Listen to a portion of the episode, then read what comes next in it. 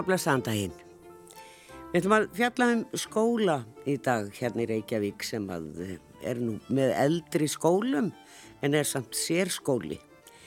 78 ára frá því að fólk tók sér saman og vildi stopna þennan skóla. Þetta voru frístundamálarar hér á Íslandi. Umræða myndist að skóla Reykjavíkur og skólastjóri sem er búin að vera þar sem að mér fannst vera svona 2-3 ár en þau eru að verða 10 er Áslug Tólasíus velkomin Takk e, Þú sko það er nú svo marga leiði sem að myndlistamenn fara en ég gerir nú ráð fyrir að þú sést myndlistamentu Já, já, já, ég er það já, já. já. Ég var sko í myndlist að handiðaskólanum á sínum tíma, ég er það gömul. Já, já. Ég náðu ekki hérna... Inn í háskólan? Listaháskólanum, nei. nei. En svo líklega eins og var nú gert við leiklistaskólanema og tónlistaskólanema, þá var þessu bara slúsað inn í, inn í þannig að þeir sem að útskriðist úr þessum sérskólum að þeir fóru inn í BHM eða inn, sem sagt, Já, við, væri BH-prófi í, í, í háskóla. Jú, jú, þetta var alveg metið sem BH-prófi á þeim tíma Já. og í rauninni þegar listaháskólinn var stopnaður þá var nú myndist á handíaskólinn svona uh, kjarnin í til að byrja með. Já, já, akkurat. Já. Já.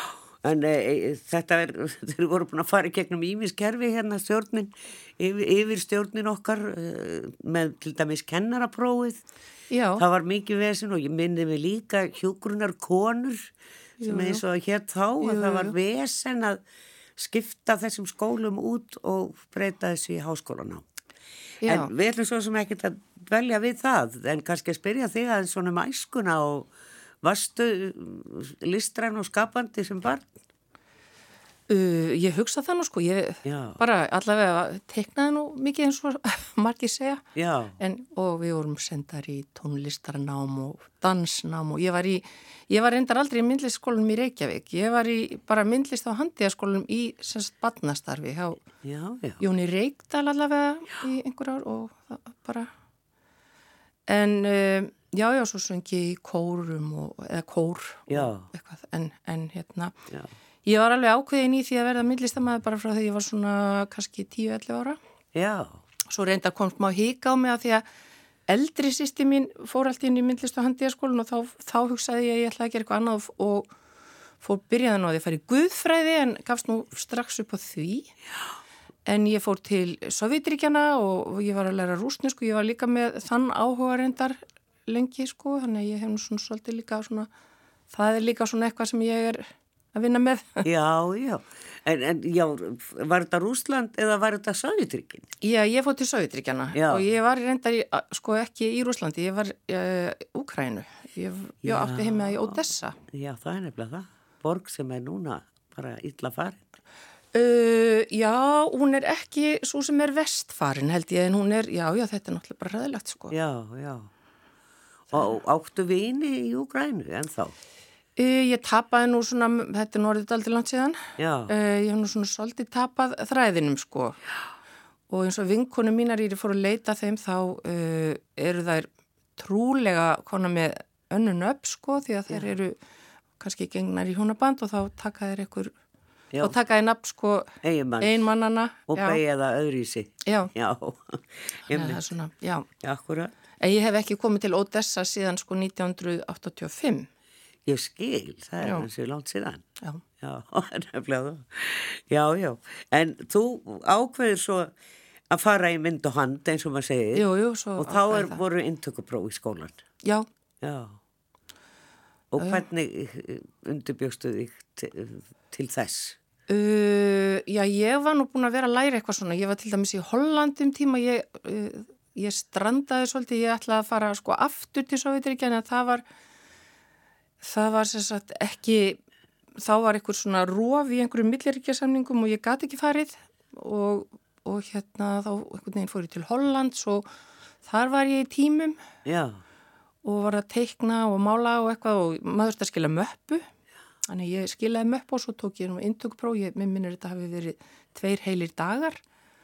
Maður teiknaði mótel og teiknaði einhverja myndir og ég bara, já, leiraði einhverja papriku, mann ég. Já, ok. Og já, já en allavega ég komst inn. Já, mér var sagð einu svona saga af uh, strák sem að var að taka induguprófið og komst nú ekki inn.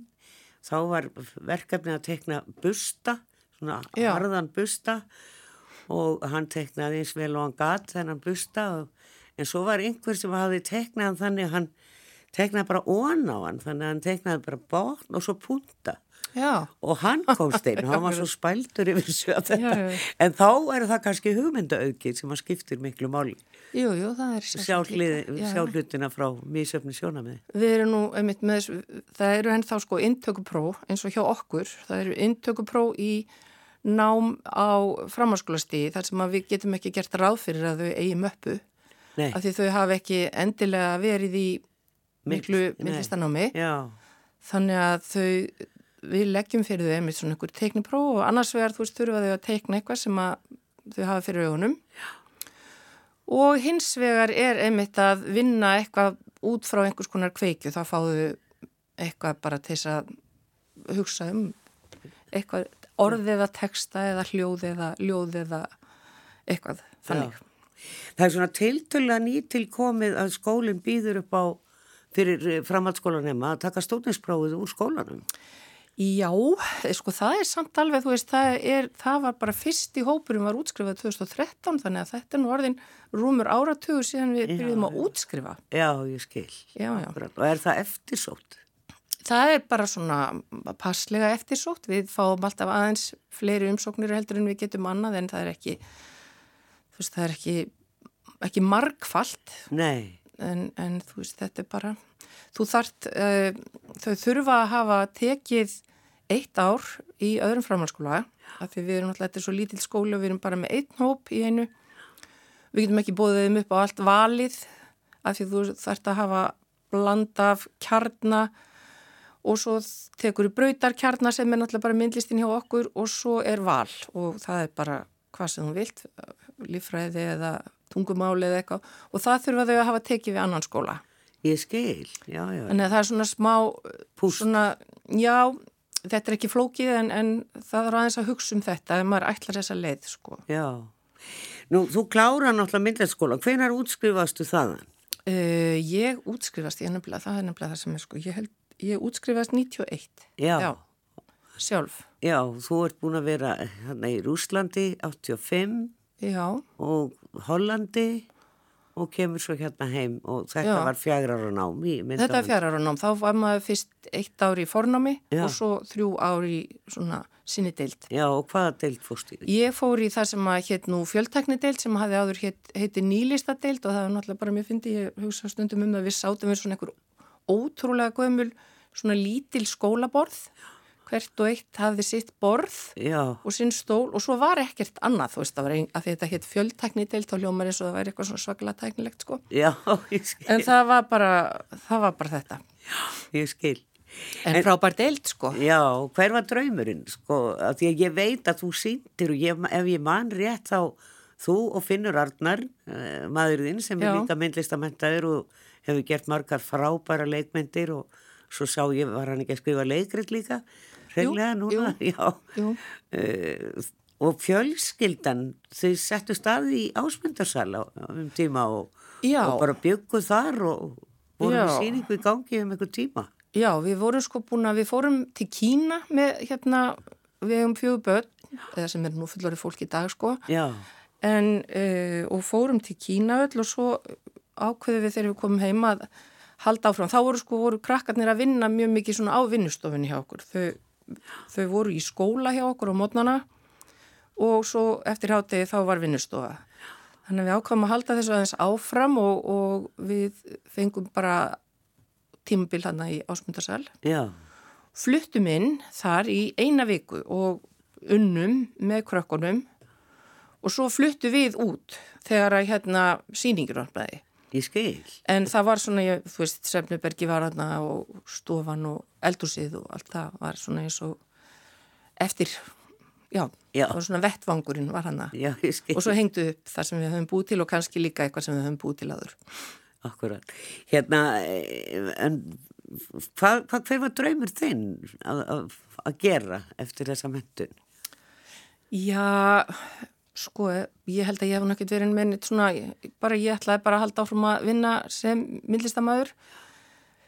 E, svo við byrjum náttúrulega eignast börn, sko, ég eignast fyrsta batni þegar ég var í skólanum og ég hitti náttúrulega mitt hérna listasögu kennarar minn í fyrra dag og þá hún að rifja það upp að við vorum með hérna dóttur okkar í vagnni niður í skipholti, þú veist, vagnin stóð við skipholti og svo vorum við upp á fjörðu og hefði listasögu með svona, þú veist, tækja milli, maður myndi nú ekki að gera þetta í dag, sko, Nei. bara spotti, þannig ef eitthvað hefði gerst þá hlupu við niður, fjórar hæðir, ég, þetta er náttúrulega bara, eins og ég segi, ég myndi ekki að gera þetta í dag. Nei. En þetta þótti bara allt í góðu. Já, maður sér heldur ekki eins mikið börn út í vagni eins og áður fyrr. Nei, einmitt. Það er bara, fólk er kannski orðið hrættara um bönnin sín. Já, já og, og þú veist, bara fleira sem að maður heyrir af einhverjum svona, einhverjum sem gerist. Já. En var þetta bastl á okkur? Um, já, örglega en ekkit svo leiðist, þú veist, við erum, það var ekkit hræðilegt, sko. Nei. Við höfum nú alltaf, ég hef alltaf verið að vinna eitthvað líka bara annað, sko. Ég hef, ég hef verið kennari já. og ég fóð nú í listaháskólan í kennslu, sko listkensludeildina sem maður var alveg ótrúlega skemmtilegt. Ég var búin að reyndar draga það allt og lengja því ég ímyndaði mér að þetta væri svo hræðilega leðilegt. En svo var það bara alveg stórkoslega skemmtilegt. Já. En já, ég hef verið að kenna og ég var nú í mörg ár formað í sambandi íslenskra myndlistamann og það var svona hlutastarf.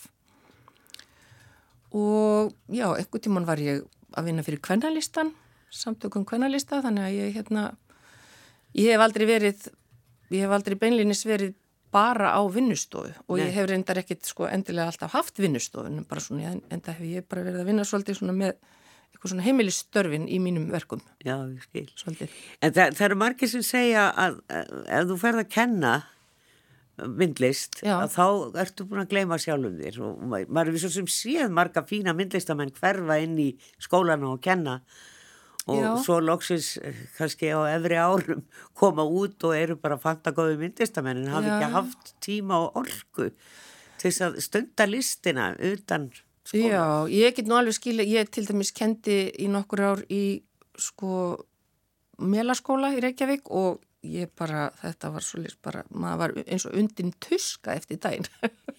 þetta tekur alla orkuna. Já, einmitt. En Já, og, en ég er nú að reyna til dæmis eins og núna er ég aðeins á vinnustofu. Já. Þannig að ég áorði svo gríðalegt sumafrí hjá myndliskólum að ég er aðeins að reyna bara vinna á því. Já, hvað hva, áttu, áttu það inni, meinar það? Já, já, það inni, ég hef ekki getað, þetta er náttúrulega bara svona fátakur skóli, sko, þannig að við höfum, þú veist, ég hef bara orðið að vera á vaktinni, en hérna, það væri bara mjög dýrt fyrir skólan, ef ég allt í nú hætti og ætti að taka allt þetta frí. Já. Þannig að ég er að saksa á það. Ég skil. Já. En hvernig byrjar að kenna þar? Uh, sko, ég kendi þær einhver tíma fyrir lungu var ég að kenna þær einhver unglingarnámskeið. Svo var ég að vinna þar og ég komist að því að ég var tillaður skrifstofustjóri þar 2002 til, ég man ekki hvort að vera eitt eða eitt og hálft ár. Já. Þá fór ég þetta uh, kennslufræðinám. Já. En svo kom ég aftur 2011 og þá tók ég að mér að vera deildastjóri og svo gerðist ég skólastjóri 2014. Já. Þannig að það eru tíu ár. Já, það er nefnilega það. E, sko, þetta er náttúrulega allt öðri sjálfur en að vera skólastjóri í meilaskóla eða, eða einhverjum svona barnaskóla eða bara gagfræðskóla. Já, já, eða framhaldsskóla. Þetta, þetta er sko í rauninni skilgreindur framhaldsskóla. Já, já, já. Og það hefur alveg, að því eins og ég segi, þetta var svona Eh, leikmannaskóli getur við sagt, þetta er stopnað og þetta verður frístundamálarar eins og það eru kallaðir sem að vilja fá einhverja kennslu og stopna hennan skóla sem að hefur svo göngu sína 1947 Já. Eh, hann hefur þróast og breyst gríðarlega á þessum árum matur, Já, sko þegar að listaháskóli var stopnað þá var sagt, þetta fornámsár Já. fyrsta árið af fjórum. Þá var það skilið eftir á framhalskólastíðinu og þrjú árin eru háskólanám þannig að framhalskólinn þurft að taka við þessu og, og þá sagt, e, verður það úr að myndlistaskólinn býður upp á svona einsás fornám því það eru auðvitað þannig og það er þannig ennþá í dag að við erum með annars verður þessa þennan hóp sem að tekur hjá okkur stúdanspróf en svo eru við með sko tvefalt fleiri nemyndur sem eru búinir að taka stúdanspróf en eru að taka eins ás svona brúarnám af því þeir bara fólk eh, er ekki búið að ákveða sig Já. þú veist þegar þú ert 16 ára og þú veist ekki alveg hvað þú ætlar að gera og fer bara í framháskóla og velur þér einhverja braut svo áttar þig. Og þá átt eftir að læra e, þú þarfst að læra bara ákveðin, ákveðina hluti að þú getur hafið námi í listaháskóla. Já. þannig að þau, þau er í ársnámi hjá okkur og þetta ársnám var eiginlega svona fyrsti fyrsta námi sem er bóðið upp á svona samfelt Já, ég skil. Já, og það er bara um aldamótin og síðan hefur bara bæst við að því að líka listaháskólin breytti svolítið um stefnu frá því sem var í myndlist og handíðaskólum þar voru svona fleiri e, deildir eins og það var kallað þar. Þú gæst farið í keramík og þú gæst farið í textíl og eitthvað. En þetta var lagt niður og það var sérst bara svona meira svona meiri hug, segja, hugmyndanám heldur en svona verklegt nám. Já En svo kemur í ljósa að þetta bara, það er áhugð fyrir þessu, þannig að við bjóðum núna líka og, og það er alveg frá 2007 sem að það svo uppbygging hóst og þannig að við erum með tveggjóra brautir í keramiki tekstíl, teikningu og málaralist þar sem að eh, nemyndur koma með stúdentspróf annarkvort af listnámsbröð eða með stúdentspróf og svona fornám.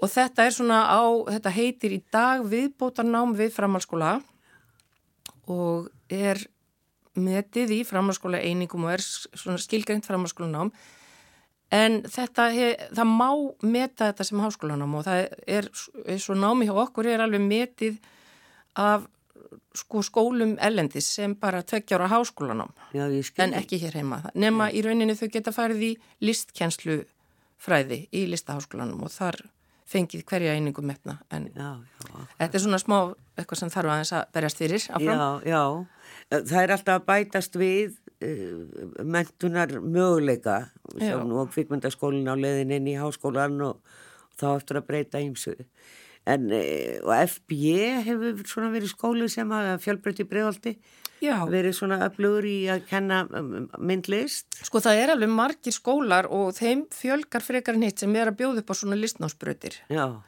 En þær eru, sko, okkar skóli hefur bara mikla sérstöðu, það er, það er allt öðruvísi, við kennum öðruvísi, við erum náttúrulega með bara meiri, getum haft svona meiri fókus á myndlistina því við erum ekki að kenna allt hitt. Já. Þannig að, þú veist, ég segja að þetta sé betra hjá okkur en ég veit ekki hvort allir eru samanlega mér um það, en ég held það. Já, já, ég veit að það, það talaði mitt um Þorvald Þorsteinsson sem var að kenna starfræði og ég hefði alveg viljað sitja þá tíma hann hefði verið mjög skemmtilegur Já, og ég held að hann hefði nokkið kent mikla starfræði hjá okkur Nei. en hann kendi íslensku Já Hann var að kenna skapandi skrið Já Ég man ekki til þess að hefði kent starfræði en við erum að kenna starfræði já, já. Þú veist og það eru þú, en þá erum við að kenna, þau haf, þurfa að hafa einn áfanga starfræði frá bara einhverjum öðrum skóla. Þannig að þau svona þannig sé gætu útskrifast með stúdensprófið þá starfræði en við kennum líka starfræði svona út frá myndlistinni, annars vegar út frá því hvernig þú til dæmis bara e, eins og bara svona flatamálsfræði eða svona svolítið svona myndræna Já. en svo líka bara eru að e, kynna fyrir þeim bara kenningar bæði starfræði, eðlisfræði sem að hafa svona sterka myndræna skýrskotun. Já, þetta hefur alltaf þýningu myndlistinni. Já. En, en nú eru breytingar, tíminn flýgur hérna áfram, það er svo margt spennand að gerast þarna. Eh, þau eru búin að vera í óðellhúsinu núna í nokkuð mörg ár og eh, Já. bara gott plás þegar ég þetta húsnaði og e, þetta rúmast vel þarna í þessu stóra húsi en e, þá að breyta því húsi í, í, í íbúðir og það stendur fyrir dyrum og þeir þurfa að flytja. E, þetta hlýtur að vera svolítið höfverkur. Sko, það er eiginlega ekki það. Við eigum alveg þarna okkar hæðir, þannig að það er ekki þannig að við þurfum að flytja. Nei, nei. En við viljum flytja. Já. Af því þetta hús er heldur ekki, þú veist, það er nefnilega þú þessi stort og gott hús, þá er það ekki hannað utanum svona skóla og við erum ekki alveg miðsæðis, við erum með mjög mikið badnastar líka. Já. Og við erum bæði með svona frístundarnámskeið fyrir krakka og börnúlinga og svo erum við líka að taka á móti grunnskólum og leikskólum. Við tökum á móti hópum úr leik- og grunnskólum borgarinnar bara svona flesta virka daga yfir skóla árið. Þannig að þau koma með kennarannu sínum og eru hjá okkur það fyrir eftir hvað eru gömul, hvað þau koma oft og þetta eru svona smiðjur sem að þau eru í. Þetta er rosalega skemmtilegt en, en það er flókið að komast til okkar þannig að Já. og ég held að þetta er bara næsta skref í þú veist þróun og þroska sögu þessa áttræða unglings þarna að það er að komast aðeins á betri stað. Því húsi er líka bara, já, það, það er bara alls konar en það er, ekki, það er engin beint að neyð okkur út. Nei, en það það er náttúrulega eh, kannski erfitt fyrir þetta allt þetta batteri að flytja í eitthvað húsnaði. Þeir eru með auðvastað á einhverju veit ég en og svona kannski ekki tíma bara að segja frá því. Nei. En ertu, ertu vongóð að þetta takist já, já, bara? Já, já, sko, ég er sko óhóflega bjart sín manneskjær sennilega því ég er alveg bara búin að vera að reyna þetta alveg mörg ár og ég er búin að kaupa nokkur hús já. en síðan hef ég, þú veist, en það hefur ekki klárast alveg Nei. og það er, ég vildi út af því að við klárum ekki söluna, það kom hann eitthvað, það hundi hann að vá, nei, já, vá er hundi og það sett okkur alveg út af spórinu þá var hugsunin að byggja þarna hótel Já svo kom COVID, þá, þá hrundi líka eitthvað, þannig að það er alltaf eitthvað svona utan að koma, en nú vona ég bara að það kom ekki neitt veg fyrir þetta, en við erum svona bara að reyna að vinna í þessu. Já, e, þetta er, e, já eins og ég segi, það eru margir sem sækja námaðan, ég kom að náttúrulega mann í heimsókn og þá voru krakkar að læra svona, hvað maður að segja, teikni, já eiginlega gera teikni myndir já. sem heitir animasjón á ennsku Reyfimyndagerð Reyfimyndagerð, já, já, ég hafði ekki orðið Já, okkur Hérna, ég get ímynda mér að það er sín okkur vinsælt já, svona yngri kynslu Sko já, það er alveg svona, erum, veist, það er endalust þróun í þessu nú til dæmis koma unglingar og læra á eitthvað sem heitir Procreate, þú veist það eru svona tölvu Þetta eru svona tölvi forrið uh, og við erum líka að kenna reyfimyndagerð í teiknibrautinni því að er í rauninni, þar eru við að þjálfa fólk í teikningu til þess að bara sinna alls konar verkefnum og það er mikið til dæmis bara þeir sem er að skreita, skreita eða mynd, maður er ekki segja skreita, teikna myndir í bækur. Uh, og líka það er náttúrulega mjög stór bransi bara í uh, öppum og tölvuleikjum og öllu þessu þar þarf að vera svona umhverfi sem er allt teiknað. Já, já, og, þetta er, og, og þetta er alveg, vinsalt hjá summi, svo eru sumir vilja bara alls ekki teikna í tölvu sumir vilja bara teikna um blíjandi þetta er bara allavega. Já, og það er nú sagt að þú verður nú kannski að kunna það í grunninn til þess að geta gert þitt Jú, það er eiginlega nöðsilegt sko. Já, já sko það er nú að tala mikið um uh, skólastjóra. Nei, hérna, tónlistaskóla ætlaði ég að segja. Já. hjá okkur situr skólastjóri en hérna uh, að það hafi sko hjálpað íslenskum uh, tónlistamennum og bara þessi velgengni margra að það er allir þessi tónlistaskóla gensla Já. hér út um allt land. Nú veit ég að það er ágættis gensla í Kópavogi. Eh, myndlistaskóli þar sem er búin að starfa lengi. En er þetta almennt eitthvað staðar annar staðar? Á Akureyri hefur jú já, verið Já, það er myndlistaskóli á Akureyri. já, ég held að hann sé ennþá starfandi. Já. og svo, svo held ég að sé kannski eitthvað svona smá myndlistaskóli í Mósfellsbænum en þetta er ekkert við það þetta er náttúrulega bara, við erum alveg að sinna svolítið svona stóru svona höfuborgarsvæðinu svolítið. Já og hérna við lítum á okkur alveg svona sem svona móðurskip svolítið í þessu, við höfum líka verið að reyna bjóða bara kennur um að koma og hérna stundum höfum við bara bóði kennur um að koma og erum svona að gefa þeim verkefni. Af því það er alveg líka bara vandamál svolítið hjá mynd, myndlistakennurum í skólum að að það er engin svona verkefna, þú veist, þú, þú þarf bara alltaf að vera að búa til námsefni, það er ekki svona mikið til af námsefni, þannig að við hefum alveg lagt okkur fram um að hérna gefa svolítið í að, það líka já, já.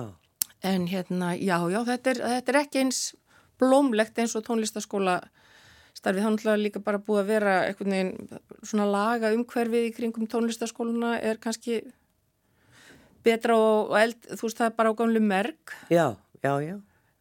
Það er, maður, það fóru náttúrulega allir í myndlist, bæði í barna og, og gaggraðaskóla og það var svolítið mjög sætt eftir hver, hver var að kenna hversu, hversu spennandi það var. Já, já. Já, já, akkurat. Og mettun kennara kannski verið, kannski ekki upp á marga fiska þegar ég er stelpað. Sko. Nei, nei, nei, kennararnir voru náttúrulega kannski ekki endilega búinir að læra mikið en það var samt í gamla mynd og hand var kennardild. Þannig að þar fóru nú margir í gegn já, líka. Já, já, akkurat. Nákvæmlega, en það er sérstaklega enn, að ég, ég man eftir þeim tíma þegar það var ekki með takt að fara í keramík og ekki í textil og það er komið til ykkar. Já. Já, það breytist það bara þegar háskólinn fer á stað.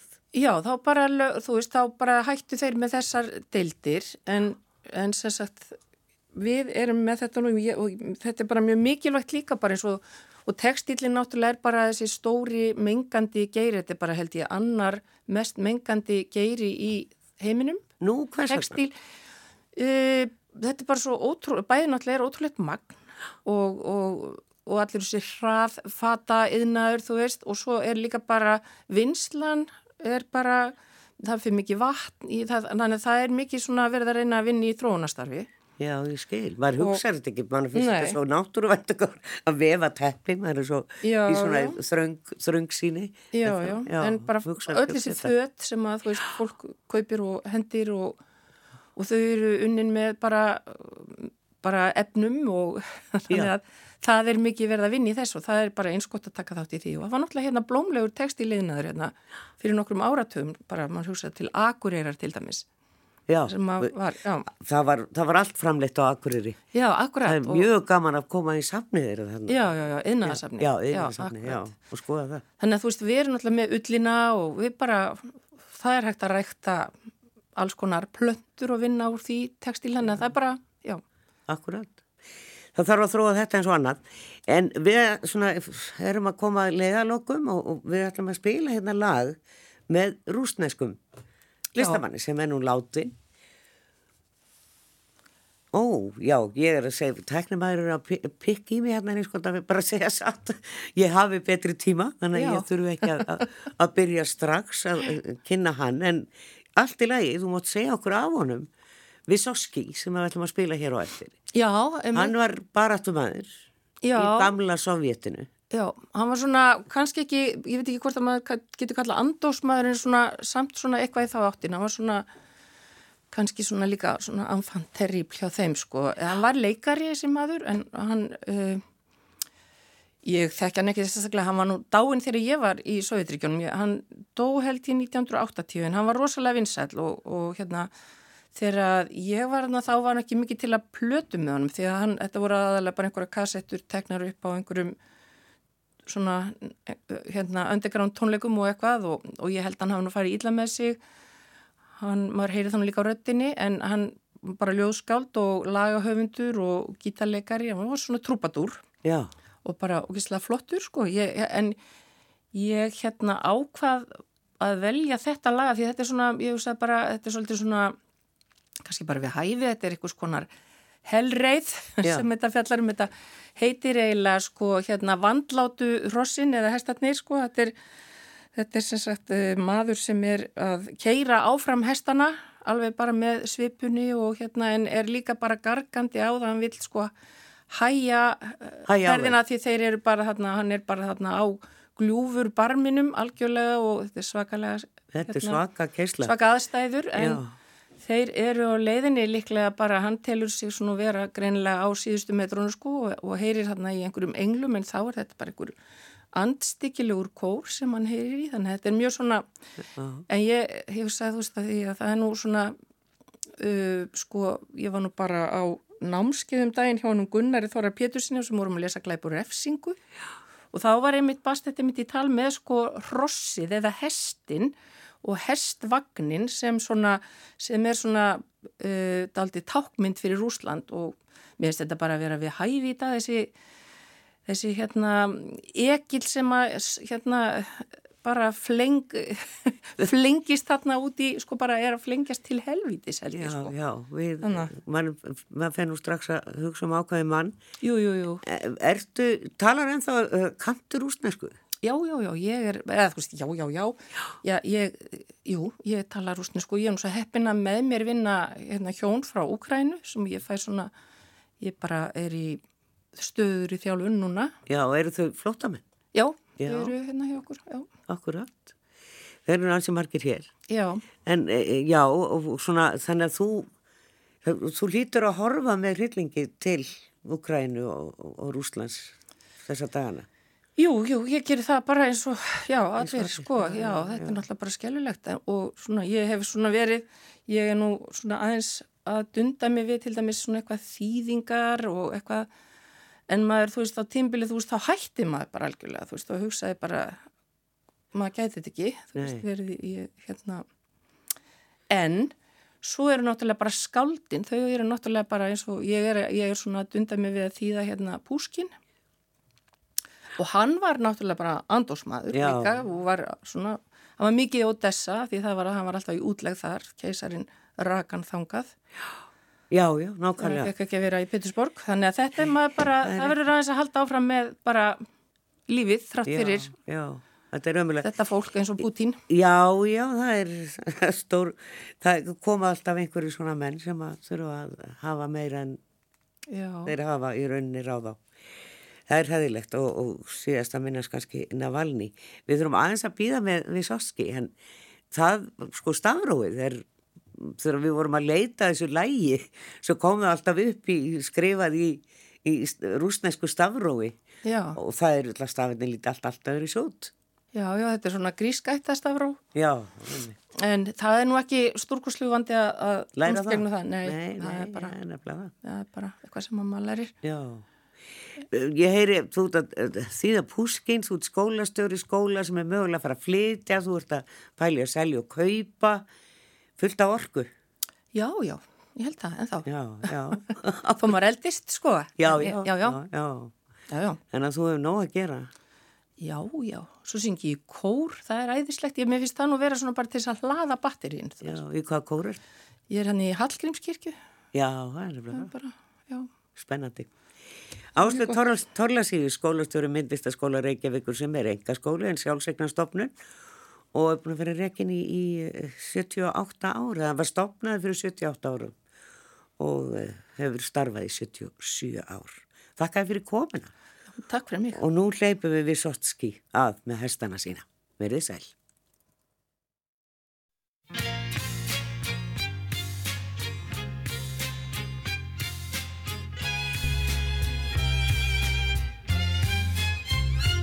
Вдоль обрыва Понад пропастью По самому По краю. Я коней Своих нагайкою Стигаю Погоняю Что-то воздуху Мне мало. Ветер пью Туман глотаю, чую с гибельным восторгом. Пропадаю, пропадаю, чуть помедленнее кони, чуть помедленнее. Вы тугую не слушайте,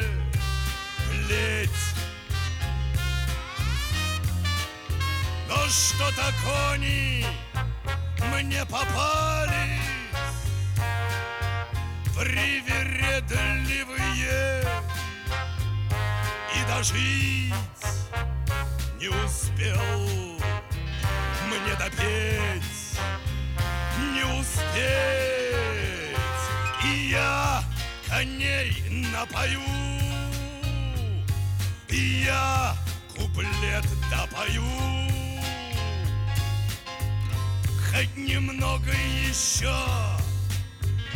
Постою на краю.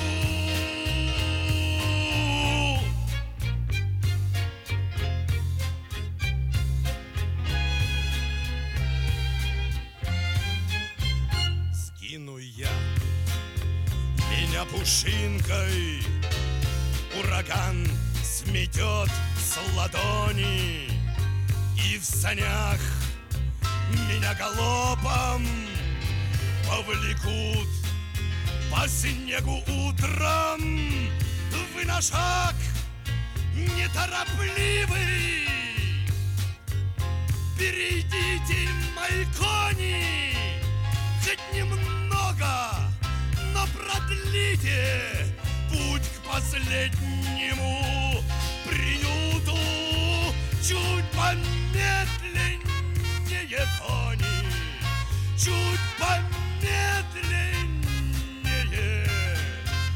Не указчики вам кнут и плеть. Но что-то кони мне попали привередливые И дожить не успел мне допеть Не успеть И я коней напою И я куплет допою Хоть немного еще постою на краю.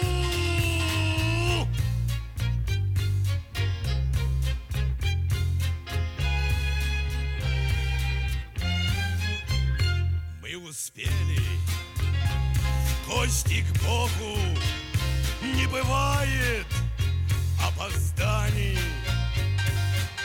Так что ж там ангелы поют?